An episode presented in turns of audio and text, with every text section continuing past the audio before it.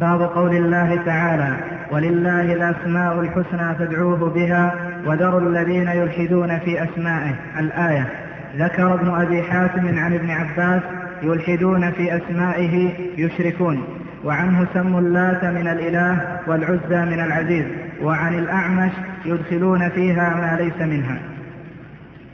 باب قول الله تعالى ولله الأسماء الحسنى فادعوه بها وذروا الذين يلحدون في أسماء سيجزون ما كانوا يعملون. هذا الباب في وجوب تعظيم أسماء الله الحسنى وأن من تعظيمها أن لا يلحد فيها وأن يدعى الله جل وعلا بها. والأسماء الحسنى هي الحسنة البالغة في الحسن نهايته.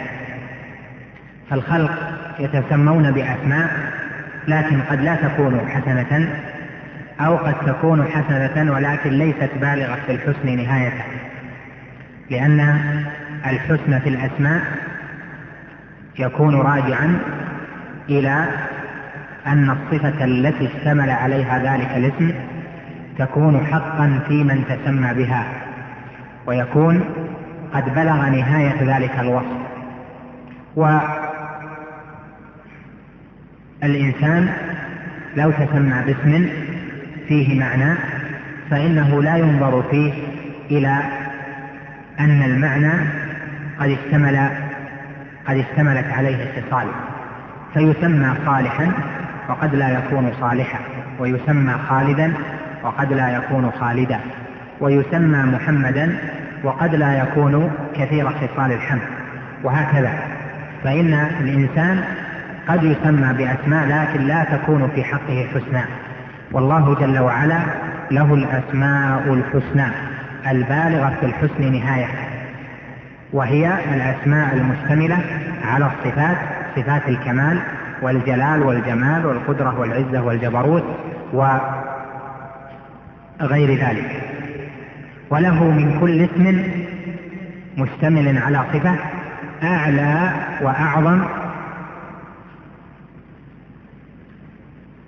الصفة والمعنى الذي اشتملت عليه الصفة. والناس وأهل العلم إذا فسروا الأسماء الحسنى فإنما هو تقرير ليدل الناس على أصل المعنى. أما المعنى بكماله فإنه لا يعلمه أحد إلا الله جل جلاله. ولهذا قال عليه الصلاة والسلام في دعائه لا نحصي ثناء عليك أنت كما أثنيت على نفسك. فالناس حين يفسرون أسماء الله جل وعلا فإنهم يفسرون ذلك بما يقرب إلى الأفهام المعنى. أما حقيقة المعنى على كماله فإنهم لا يعونه لأن ذلك من الغيب.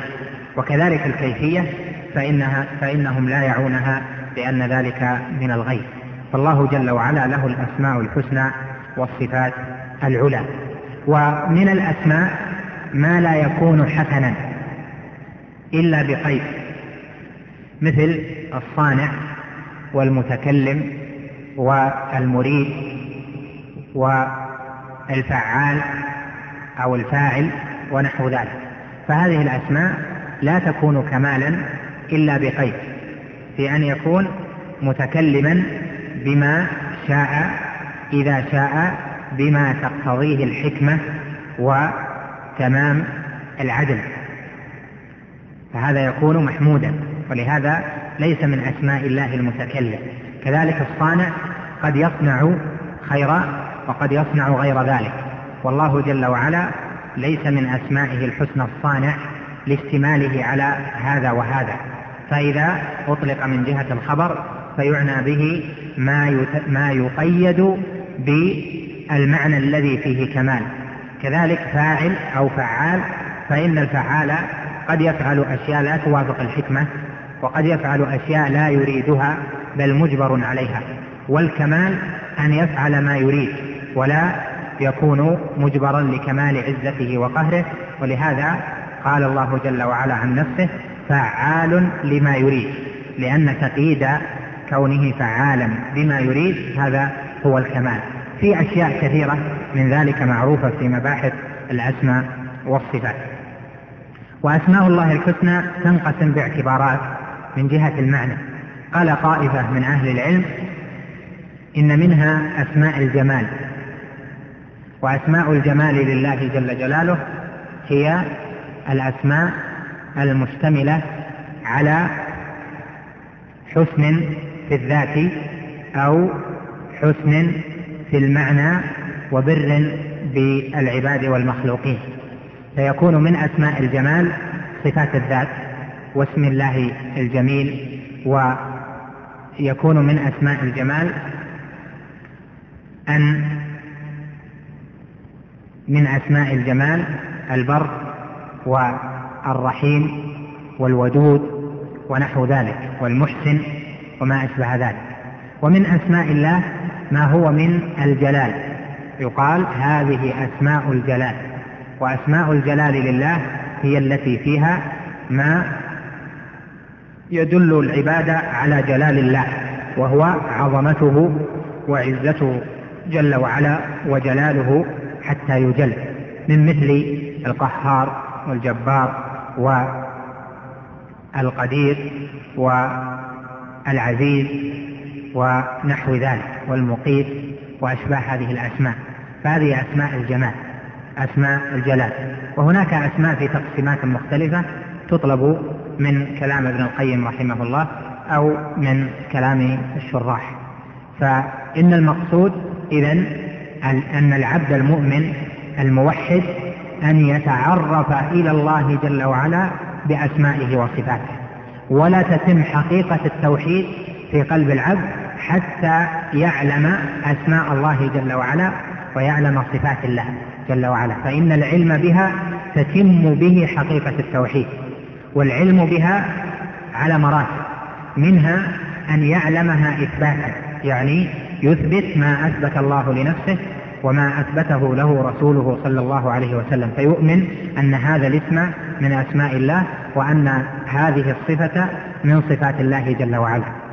والثاني أن يسأل الله جل وعلا بأسمائه وصفاته بما يوافق مطلوبه لأن الأسماء والصفات نتعبد لله جل وعلا بها بأن ندعوه بها كما جاء في هذه الآية وسيأتي بيان ذلك إن شاء الله. والثالث من الإيمان بالأسماء والصفات أن ينظر إلى آثار أسماء الله وصفاته في الملكوت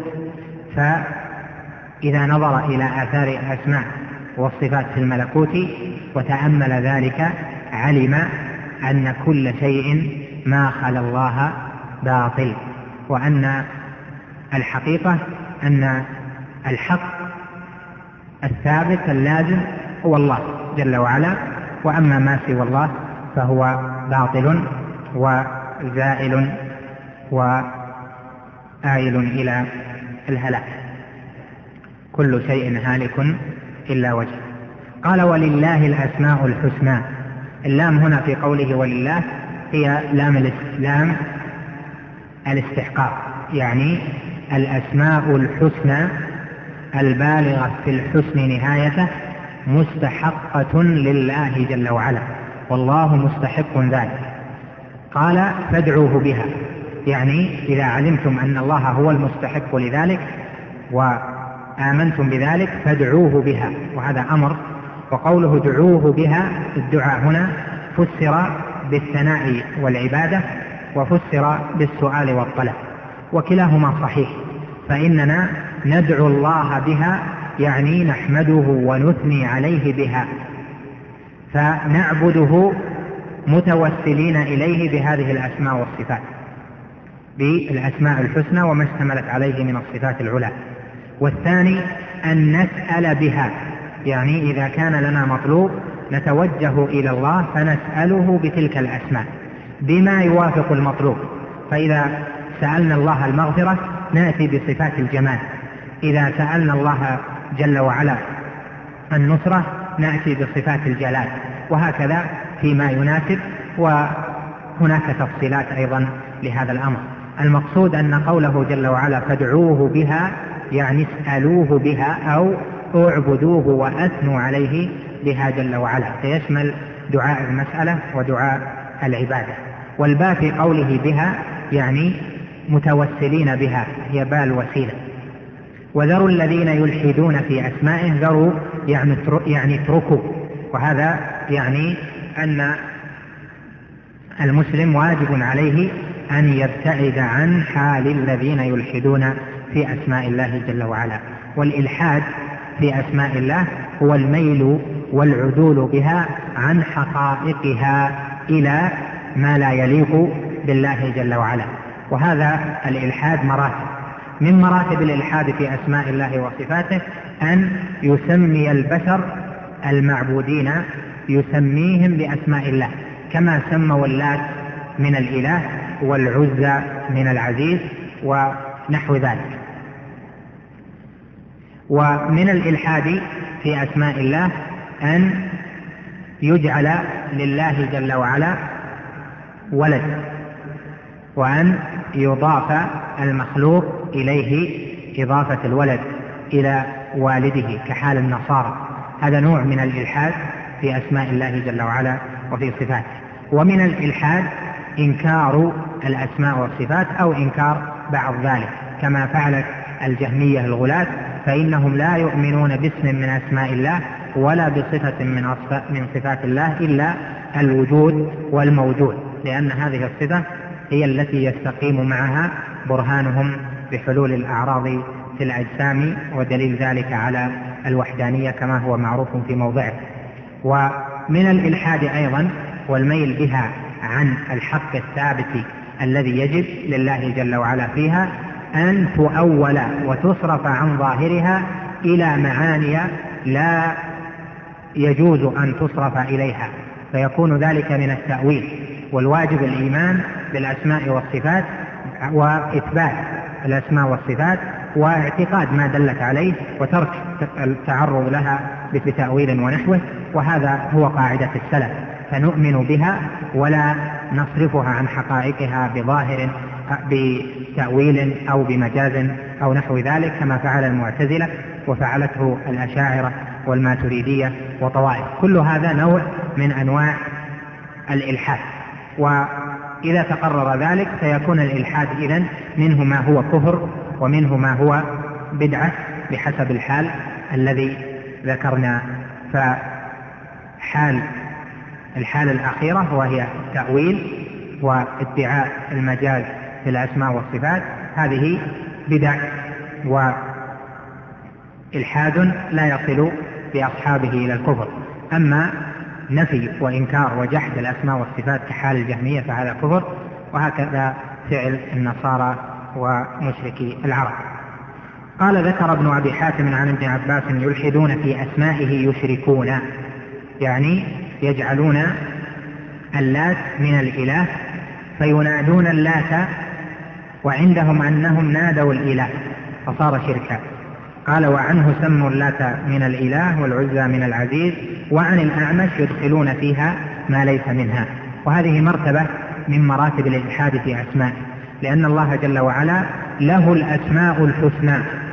فمن أدخل اسما لم يثبت في الكتاب والسنة أنه من أسماء الله فقد ألحد لأنه مال وعدل عن الحق الذي يجب في الأسماء والصفات إلى غيره والحق هو أن تثبت لله ما أثبته لنفسه إذ لا أحد أعلم بالله من الله جل جلاله وتعاظم شانه وكذلك لا أحد أعلم من الخلق بالله جل وعلا من رسوله الخاتم محمد صلى الله عليه وسلم. فمن أدخل فيها ما ليس منها فقد ألحد كمن قال في أسماء الله الماكر والمستهزئ والصانع وجعل ذلك من الأسماء الحسنى فإن هذا لا يجوز. وإطلاق هذه الأشياء على الله جل وعلا هذه الأسماء على الله جل وعلا لا يجوز ومنها ما يجوز بتقييد في باب الإخبار. ومباحث هذا الباب طويلة لاتصالها بالأسماء والصفات وهي معروفة في مبحث توحيد الأسماء والصفات. نعم.